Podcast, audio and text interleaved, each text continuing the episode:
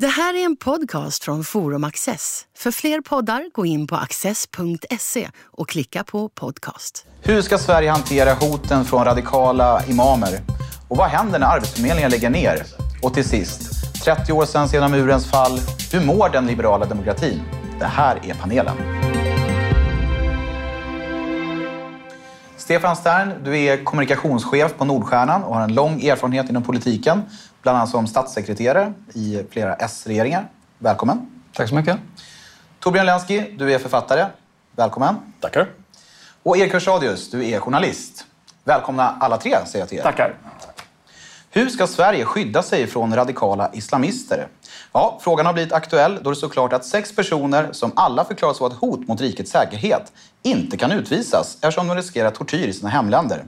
Flera av namnen pekas ut som centralgestalter inom den radikala islamistiska miljön. Däribland Gävleimamen Abu Rad och hans son Rad al-Duhan. Torbjörn, vad är dina tankar? Eh, mina tankar är att om man upplever att några, eller om Säpo säger att några är så allvarliga hot så är det fullkomligt orimligt att man bara släpper dem naturligtvis. Det tror jag de flesta tycker. Uh, och sen tycker jag att det finns många orimligheter under det här. Liksom. Att man under alla de år som folk har åkt ner och deltagit i massmord, terrorism och folkmord med Isis i Syrien inte har kunnat instifta lagar som har stoppat det här. Man har inte dämt upp den här rekryteringen då som uppenbarligen har pågått i vissa moskéer. Man har aldrig liksom stoppat det medan det pågick. Man kan inte straffa dem i efterhand. Och nu de som är ansvariga för rekrytering och uppvigling, uppmaning till brott, kan man inte göra sig av med. Det är fullkomligt vansinnigt. Men återigen, jag skulle säga att det finns ännu fler problem under det här som har att göra med det här. Svårigheten att prata om islamism och egentligen kanske om islam i stort. Om det faktum att Saudiarabien enligt ETC, vänstertidningen ETC, stödjer var fjärde moské i Sverige. Turkiska staten stöder eh, åtta eller nio moskéer runt om i Sverige med predikningar då som skickas ut av Dianet som är den turkiska myndigheten för det. Alltså det, de här imamerna, det är helt vansinnigt. Men de är verkligen bara strösslet på en väldigt konstig tårta som vi måste ta itu med. En äcklig tårta. Stefan, vad, vad säger du? Nej, men dels har vi de här sakliga problemen. Därtill har vi då eh, så att säga, politiska problem som följer av det här. Det är ju såklart eh, omöjligt nästintill att förklara för medborgare, väljare ur ett politiskt perspektiv varför eh, individer som är klassade som hot mot rikets säkerhet, det vill säga allas vår säkerhet egentligen, att deras säkerhet, att inte skickas ut från Sverige, inte utvisas, är viktigare än rikets säkerhet. Det, det, det är ju så att säga väldigt svårt. Och det här kommer ju också i en tid då medborgare, väljare funderar på hur eh, samhället, man kan kalla det för samhällskontraktet egentligen, hur det fungerar. Det är mycket i samhället som man upplever inte fungerar, vården levererar inte, infrastruktur, polis. Och, och det är klart, ovanpå den diskussion som redan finns så, så, så upptäcker medborgarna att man inte kan utvisa de här individerna. Verkställighetshinder eh, finns ju i många fall, så att säga. men det som är annorlunda här det är ju att de här då är klassade som säkerhetshot. Så det är allvarligt. Eh, regeringen sa ju att de ska försöka hitta lösningar för att kunna eh, hantera de här personerna eller liksom få dem att inte vara fria på våra gator och torg. Men hur, vad, vad, vad, kan man göra egentligen? Alltså, vi måste ju snurra igång flera liksom, bra utredningar här. En handlar förstås om hur övervakar man människor som inte kan utvisas? För, alltså, finns det verkställighetshinder? Det är ju, det är ju ett seriöst hinder. Så att säga. Vi har ju skrivit under internationella avtal och sådana saker. Och så länge vi har idén om att vara liksom en, någon typ av liberal rättsstat så alltså, rättsstaten skyddar även skurkar. Absolut. absolut. Eh, och, och, och, sen eh, Ehm, kan det vara rapporteringsplikt, det har de i viss mån. Det kan vara fotboja. Ehm, men vi kanske också ska diskutera när du får uppehållstillstånd i Sverige Alltså här snackar vi om skicka ut folk eventuellt. Men vilka släpper vi in? Vilka får komma in i Sverige och vilka får uppehållstillstånd? Det är ju en överdrift att säga att vi har haft jättebra kontroll under åren som har gått på vilka som fått komma till vårt land, på vilka grunder, vilken identitet och så vidare. Som måste strama upp så att säga inresepolitiken. Um, när det då gäller um, de här sex imamerna så en sak som är, som är bekymmersam och det är, jag, menar, jag anklagar inte Säpo eller regeringen för det men jag som medborgare vet inte exakt vad de har gjort. Alltså en del av det här som de har sagt, det är ju hemligstämplat. Liksom. Vi vet inte vad de har gjort sig skyldiga till. Så därför är det svårt att bedöma, för mig då naturligtvis, hur allvarligt eh, hot de utgör mot Sveriges säkerhet och så. Men eh, ja, du sa ju det Torbjörn, under det här strösslet som handlar om imamerna, Ja. är en jättetårta med problem som vi inte har tagit tag i, som handlar om migration, som handlar om en, liksom en värld med uppluckrade gränser. Och sen så ska vi väl skicka ett grattistelegram också till Sverigedemokraterna här. Det här är naturligtvis en kanonfråga för dem. Absolut. Eh, här är det folk som hatar, troligen då, vi vet inte exakt vad de har sagt, det svenska demokratiska samhället som utgör ett hot mot säkerheten och, och de, deras säkerhet anses då väga tyngre. Och det finns väl ingen bättre rekryteringsargument eh, till, till som sverigedemokratiska väljarbasen än det. Det är, också, det är också svårt i flera led om man ser det just principiellt. Naturligtvis kan man inte utvisa folk till tortyr eller eventuell tortyr, men det går så vitt jag förstår det diplomatiskt att göra överenskommelser med stater så att de kan vara, hamna i rimligt säkra förhållanden. Men sen är det ju det där, jag menar om man ska, man ska gallra vilka som kommer in naturligtvis. Fast kan man göra så att säga, ideologiska förhör med de som kommer in? Så ses jag så att de inte är islamister eller fascister eller nazister eller vad man nu kan vara med för någonting. Det går ju inte riktigt heller att, att, att göra det. Det är ju trots allt i Sverige tillåtet att hata Sverige. Ja, och, Det är, om man vill. men, men, men så också, alltså, man, man kan bli medborgare i Sverige redan efter fem år. Ja, det är också galet. Man kan ju tänka sig att det ska ta längre tid att kunna bli medborgare överhuvudtaget. Det kanske också är så att vi ska ställa mycket högre krav på vem som får bli svensk medborgare. Allt ifrån språkkrav, kulturkompetens och kanske också någon typ av, har den här personen betett sig på ett sätt som är helt okej under alla dessa år som han eller hon har bott i Sverige, okej, då kanske får bli medborgare. Men om det då finns så tendenser till, till exempel att man predikar mot Sverige i, i, i moskéer, ja, då kommer du att få bo här, visst, eftersom vi en gång gav dig uppehållstillstånd, men medborgarskap, sorry. Och så länge du inte har medborgarskap, då är det ju lättare att utvisa. Vi ska också komma, alltså, det kan ju vara så att vi kan utvisa dem snart, för att antingen att vi förhandlar med de här länderna som, som de ska utvisas till, eller att Mm. förhållandena i de länderna ändras lite så att det är mer rättssäkert att Det utvisa lär, ju- dem. det lär ju dröja. Eh, Det är ju också intressant nog så om man läser FNs deklaration om de mänskliga rättigheterna att man har ingen rätt att få asyl för dels för brott som är icke-politiska men inte heller om man har arbetat mot de mänskliga rättigheterna och mot demokrati. Jag kommer inte ihåg vilken punkt det är men, men det går att kolla upp. Får, jag slänga in, Stefan före mig kanske? Jag Nej, en men de, de måste har ju någon form av anmälningsplikt då, eh, de här individerna. Men eh, jag tror ju att verktygslådan för regeringen i det här besvärliga läget eh, är ju begränsat. Dels kan de göra eh, diplomatiska uppgörelser så att man får garantier och kan utvisa de här individerna. Nu har väl en, spekuleras det, en av de här sex personerna har utvisat sig själv så att säga. Genom att Eventuellt. eventuellt lämnat landet. Och då, och då kan man så att säga se till att inte den individen Eh, det finns ju inom lagens ram möjlighet att inte släppa in den individen igen. Men sen måste du ju hitta vägar framåt så att du kan hålla Eh, om du är misstänkt som ett hot mot rikets säkerhet så, så ska du kunna hålla, enligt min mening, hålla såna här människor i, i förvar eh, under det, den period som det eventuellt finns eh, eh verkställighetshinder. Men just nu är ju, det, det tror jag, eh, det, det som är enklast, det är inget som är enkelt här, men det som är möjligt att uppnå på relativt kort tid för en regering tror jag, det är ju att, att göra uppgörelser med respektive land.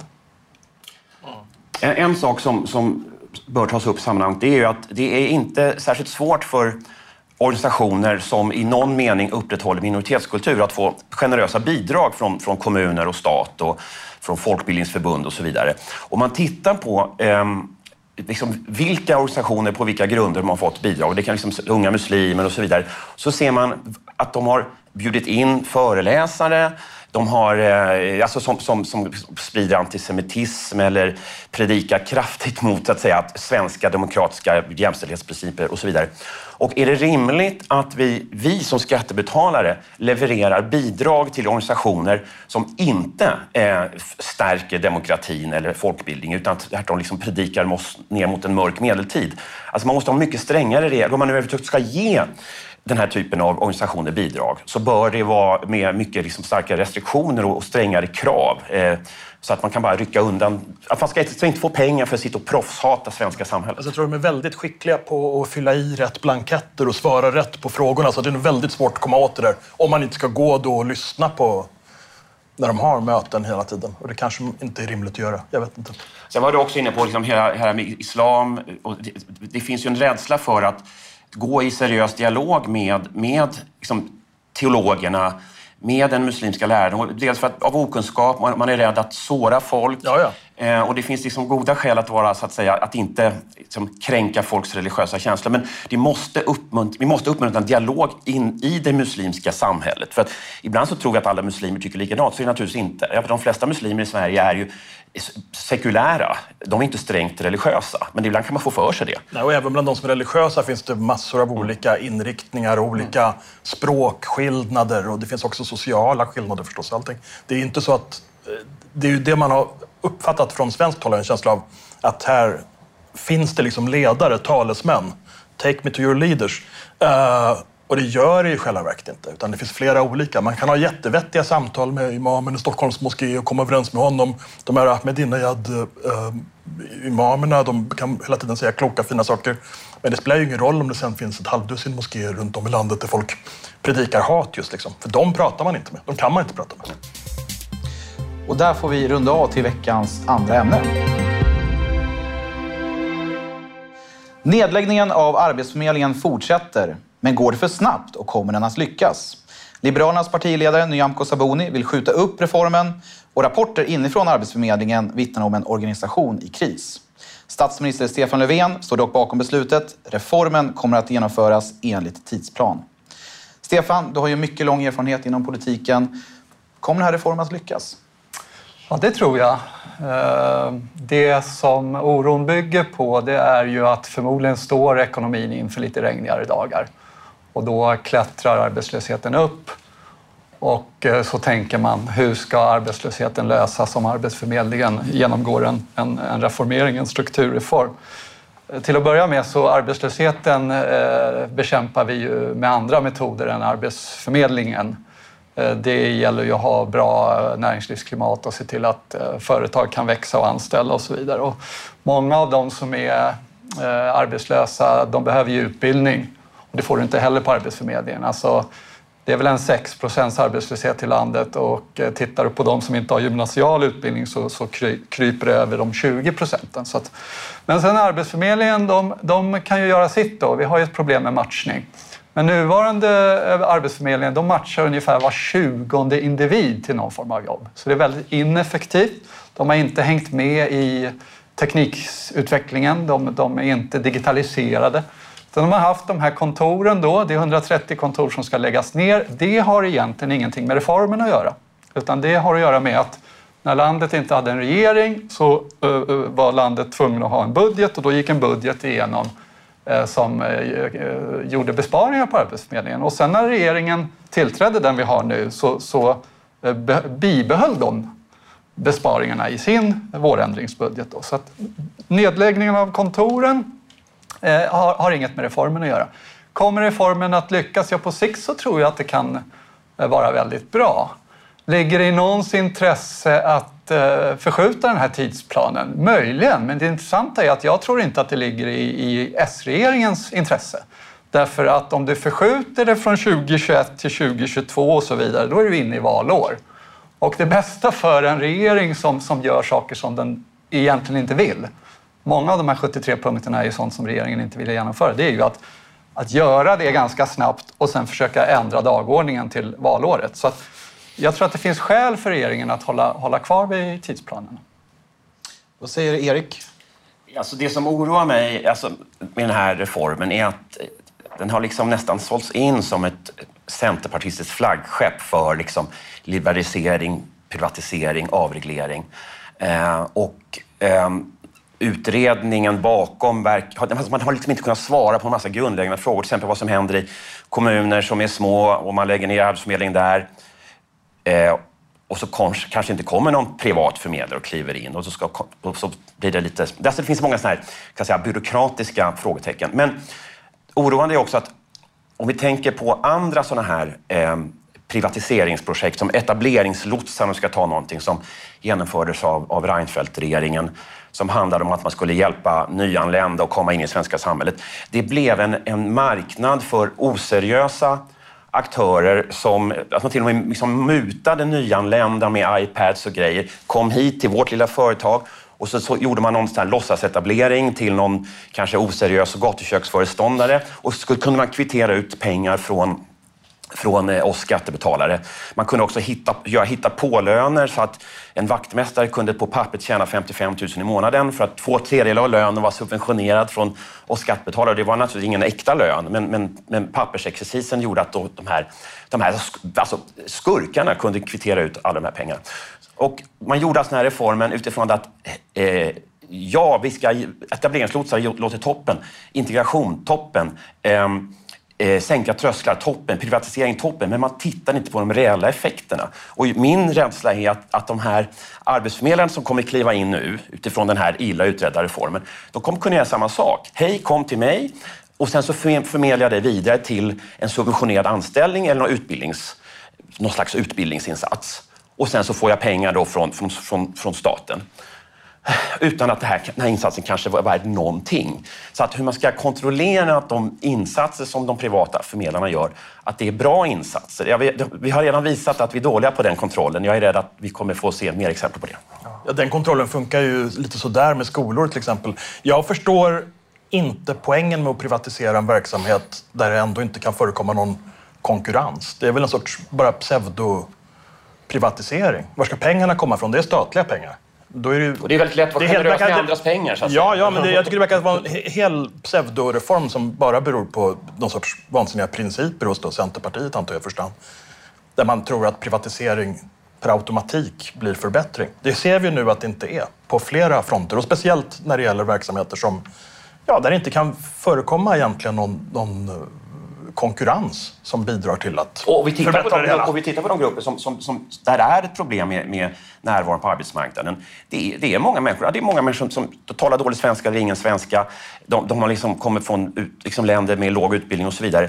Det här är människor som inte kommer komma i reguljära jobb eh, förrän liksom efter aldrig eller mycket år av utbildning. Så att vi pratar inte, vare sig gällande arbetsförmedling eller privat arbetsförmedling, det finns inte så många superkompetenta människor som är bara redo att matcha sig in till de nya jobben. Utan det är som Stefan säger, alltså det handlar om all, allmän tillväxt och, ett bra företagsklimat. Så de här privata arbetsförmedlingarna kommer att bli fantastiska pumpar av pengar från staten in i besynnerliga ja, det är, det är, företag? Det är, Helt meningslöst verkar Alltså, det, det är ju inte så att Arbetsförmedlingen eh, inte spenderar pengar idag. Det är Nej. väldigt eh, ineffektivt eh, och det är ju om något kanske en trygghetsmarkör ute i kommunen att det finns en arbetsförmedling, för det har det alltid funnits så att säga. Men, men tron att det skulle bli eh, lika ineffektivt eller ineffektivare som det är idag om du sorterar upp Eh, ansvaret där eh, det offentliga eh, ska granska, certifiera och följa upp och kontrollera medan ett antal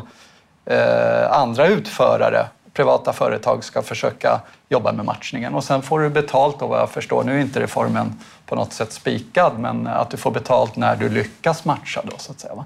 Till skillnad från de här eh, lotsarna, de fick ju betalt så om de tog sig an ja, eh, en, en individ.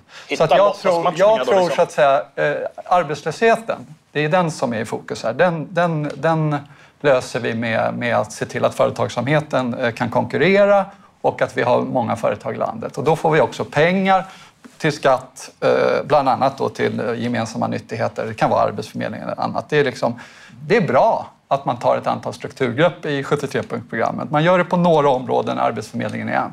Jag tror att vi i framtiden kommer få se fler avreglerade sektorer där Eh, staten kontrollerar, det offentliga kontrollerar och sen så har man en mångfald av utförare för att eh, lösa saker på bästa sätt. En annan synpunkt är, är, att, att det, är, det, är, inte helt självklart att man ska rulla ut en sån här reform i hela landet, tycker jag. Om det nu är en bra idé med privat arbetsförmedling, varför inte pröva det länsvis eller någonting? Så kan man liksom utvärdera efter ett tag och då om reformen är, som Torbjörn och jag misstänker, någonting som kommer leda till missbruk av, av offentligas pengar, då, då, gör det inte så stor skada eftersom man inte testat det fullskaligt. Så att man skulle kunna pröva då, ha några län som experimentlabb för detta. Du sa att reformen inte är spikad. Eh, men den, den är inte spikad i sina detaljer menar jag. Eh, ah. Till exempel det som jag nämnde då, ersättningen. Ibland kan du ju lägga i, i, i typiskt sett när du har sett det här i andra länder så lägger du en stor platta, grundplatta i ersättningsnivån. Det vill säga kanske 70 procent av ersättningen får ett, eh, en utförare genom att man, eh, man tillhandahåller tjänsten. Och så kanske får 30 procent om du har lyckats med en matchning. Här pratar man ju om att, att den här eh, så att säga, eh, successfin då, så att säga, alltså att du lyckas matcha, att den ska vara en, en väsentlig del av ersättningen.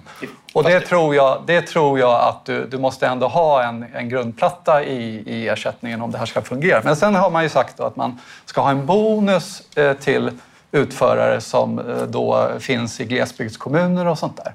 Och det är därför man nu diskuterar om kommunerna själva ska få gå in i de kommuner där, där, där, där marknaden inte kommer räcka till. Så att säga. Så det finns... sista ordet i debatten. Ja, jag, jag, tycker fortfarande det verkar som en sorts eh, pseudoreform. Det hade varit bättre, tror jag, att, att reformera och effektivisera Arbetsförmedlingen inifrån och behålla liksom, någon samlad kontroll på det. Jag snor sista ordet. Det finns ett selektionsproblem också. Den privata arbetsförmedlaren kanske bara väljer de klienter som är extremt lättmatchade och struntar i de svårare fallen. Också ja. Och det får avsluta veckans andra ämne. Nu är det dags för veckans sista ämne. Denna vecka är det 30 år sedan murens fall. En händelse som, kanske mer än något annat, kommit att symbolisera den liberala demokratins seger över socialismen. Ja, många trodde nog att människan nått historiens slut. Men vad var det egentligen som hände? Och hur mår den liberala demokratin idag, 30 år senare? Erik, vad säger Skulle du? jag ta den? Usch, vilken svår fråga. Nej, men jag kan berätta att jag var väldigt nära att få uppleva murens fall. Eh, jag sprang Berlin Marathon 1989, eh, ett år, en månad före murens fall, alltså i Västberlin. Och sen så eh, på efterfesten så, så, så hookade jag upp det med en, med en eh, tysk tjej. Och sen skulle jag hälsa på henne den 9 november. Eh, så jag ringde några dagar innan och då hade, berättade hon att hon träffat en ny kille, så det blev ingen Berlinresa för mig. Så att den här försmådda kärleken gjorde att jag missade mitt livs äventyr. Men bortsett från det så är jag, jag är principiellt positiv till att muren föll. Torbjörn? Ja, nej, na, ja, naturligtvis är det fantastiskt att muren föll. Frågan är ju bara, föll den för att väst besegrade öst eller föll den för att öst kollapsade under sin egen tyngd? Jag tror ju då ärligt talat mer på det senare. Alltså ända fram till, ironiskt nog, fram till någonting i stil med 68 så var de eh, östeuropeiska och kommunistiska ekonomierna ganska så starka. Sen går de ner. I takt med att man i väst blir mer och mer så vänsterhysterisk så går det ner. Så efter 20 år, ja, det gick inte att hålla uppe det med de enorma utgifterna för vapen och så vidare. Eh, sen skulle jag säga att det, vi vet då, okej, okay, de förlorade. Lars Ohly grät. Hemskt sorgligt allting för dem. Bra för alla andra. Men det som inleddes då var ju också den här eh, liberala overreach. Den här liberala hybrisen som präglade hela 90-talet och ända fram till början på det här seklet. Och som vi fortfarande lever på något sätt i efterdyningarna av, fast det börjar bli allt mer tydligt att exempelvis Kina kommer inte automatiskt att bli demokratiskt bara för att de blir bättre ekonomi. Mellanösterns länder, folk vill kanske inte ha demokrati i vår mening där. Tillräckligt många i alla fall för att det ska bli det. Eh, och så vidare. Hela vansinnet att man på något sätt under 90-talet sen framöver pratade om politik i Europa, inte minst för oss här, som en verksamhet utan alternativ, fast den enda vägens politik. Det var bara ett sätt att göra sakerna. Den där teknokratiska åsidosättandet av alla eh, normala demokratiska processer, om man spetsar till det lite. Det är ju någonting som har varit oerhört skadligt att man har trott just att liberalismen per automatik skulle vinna. Ungefär som kommunisterna tidigare trodde att de per automatik skulle vinna och ta över världen. Så tar ju liberalerna plötsligt fortsätter den där tanken. Och så blev det inte och så blir det inte. Och den, är, den perioden som följde efter det, så att säga, är den som med viss fördröjning, får man väl säga, har lagt grunden för det som vi ser i form av exempelvis populism och eh, på sina håll eh, misstro mot demokratin. Man kan inte ha demokrati utan demokratiska alternativ, utan debatt och så vidare. Teknokratiskt styre skapar populism. Det är ett arv efter det liberala hybrisen och murens fall också. Stefan, håller du med om det här? Eller? Det är klart att eh, man ska ändå komma ihåg att eh, det startade en, en, en otrolig framstegsoptimism, eh, globalisering, öppnade upp för nya marknader, ökad frihandel, kapitalinvesteringar. Både låg och medelinkomstländer och rikare delar av världen lyfts ur eh, eh, både ekonomiskt och socialt. Eh, den här perioden präglas ju av att världsfattigdomen går ner kraftigt. Vi får ett antal förbättringar, men historien lär oss ju att, att saker och ting pendlar. Det går i vågor. Så nu har vi haft den här och är fortfarande i en period, kanske mänsklighetens bästa period vi har upplevt sedan murens fall. Och nu pendlar vi in i eh, en period som kanske präglas lite mer av pessimism eh, identitetsvänster, nationalism, eh, trots att världsekonomin är, är så att säga, det är injektioner av, av, av kapital och, och låga räntor och så vidare, så börjar befolkningen i inte minst vår del av världen bli mer och mer pessimistisk. Och då, den politiska slutsatsen av det i vissa länder är att du ska resa upp tullar, du ska resa upp handelshinder, du ska stoppa, eh, se frihandel som ett nollsummespel som det inte är, utan alla mår bättre av ökad handel och så vidare. Och det pendlar tillbaka. Mm. Jag tror att vi kommer få se ovanpå det så de två ledande nationerna ändå eh, kan man väl bjuda på. USA och i Europa, Storbritannien, UK, de har då ledare som, som är lite ja, annorlunda än vad ledare brukar vara. Och, och då blir det så att säga då får vi den här diskussionen om, om, om att vi lever i en period där, där, där liberalismen är, är trängd tillbaka. Eh, det är en ständigt pågående process, men jag är optimist. Jag tror att, att det kommer pendla tillbaka så småningom åt andra hållet. Jag vill bara haka på det Torbjörn sa om liberalismens hybris och, och, och också komma fram uttrycket liberalismens naivitet. Det fanns ju en, en, en, som en stor optimism. Jag kommer att vara ledarskribent på den tiden och man skrev liksom en, en vänligare värld. Och det, var, det, var, det, var, ju, det var det var ju fantastiska vindar som blåste. Men det vi har kommit att förstå efteråt, eh, man kanske överskattade värdet frihet. Om vi tar nu ryssar och kineser som som, eh, ja, men ryssarna står bakom sin Putin och det är inte för att han levererar frihet, men i någon mening levererar han liksom mer trygghet än de, än de hade tidigare. Och i Kina en medelklass som, som ständigt eh, ökar sina inkomster. Inga starka krav på demokrati i vår mening. Och vi trodde liksom att de här liberala dygderna om frihet och, och, eh, och sen yttrandefrihet och demokrati, det var det som gällde. Men sen har vi blivit påminda om på Jugoslavienkrigen, eh, de här populistiska rörelserna ni pratar om, identitetspolitiken. Vi människor vi söker naturligtvis frihet i, i, i viss mån, men vi söker också trygghet och identitet och en mening med tillvaron. Mening, och om vi, inte, om, vi har liksom avskaffat Gud i rätt hög grad i västlandet. Tron på folkhemmet är mycket svagare. Nu har vi ingen läskig liksom, Sovjetstat att vara rädda för. Och så det finns en meningskris tror jag i västerländska samhället och då räcker inte de här liksom liberala drömmarna om personlig frihet och en finare bil. Ja, vi, har ju klimathotet nu. Det är väl kanske någonting som ger många en mening med livet. Så alltså att, ja, att, att man, oj, nu, kan, att, nu finns liksom en stor kraft, farlig kraft som vi ska bekämpa. Eh, och, ehm, och, den, här, den här meningskrisen den har liksom inte fått något tillfredsställande svar. Eh, så därför är världen liksom lite dystrare än vi kunde tro då. Om, om, det, om det nu är dystert eller inte. För det är i alla fall ett faktum att det räcker inte med bra ekonomi. Det räcker inte med eh, frihet i någon sån här eh, yttre mening, utan folk vill ha något mer. Timothy Garton Ash av alla människor har sagt bara alldeles nyss här för mig att it's not the economy stupid. För att det är, räcker inte med ekonomi. Man behöver mer. Det är också därför skulle jag säga, jag menar bland annat som folk åker ner till Isis från Sverige. Det har ju att göra med det via långa associationsbanor också. Liksom. Man vill göra någonting som är meningsfullt, även om det då inte är meningsfullt. Ja, det är vidrig terrorism. Hellre helig krog, krigare än, än loser i förort. Liksom. Samtidigt så, så, har väl ändå den, den, eh, det öppna liberala demokratiska samhället en ganska stark dragningskraft. Många vill ju ändå flytta till USA, många vill ju till Västeuropa. Vill de det för de, för de grejerna eller för ekonomin? Ja, det, det, får Stefan få svara på. Nej, men det är klart att eh, historien är inte slut nu heller. Nej, vi, kommer, så att säga, vi kommer ständigt få, få, få, få motivera demokrati, marknadsekonomi, liberala värden. Eh, klimatfrågan är också intressant som nämns här. Den, den faller ju nästan in i samma mall. Därför att eh, om man inte tror att eh, innovation, ny teknologi och, och, och en kombination av, av, av, företagsamhet och marknad kommer lösa eh, klimatproblematiken, då är det lätt att börja ropa på en eh, stark regering, eh, världsregering eller en stark ledare och, och betona ner demokrati så att säga. Va?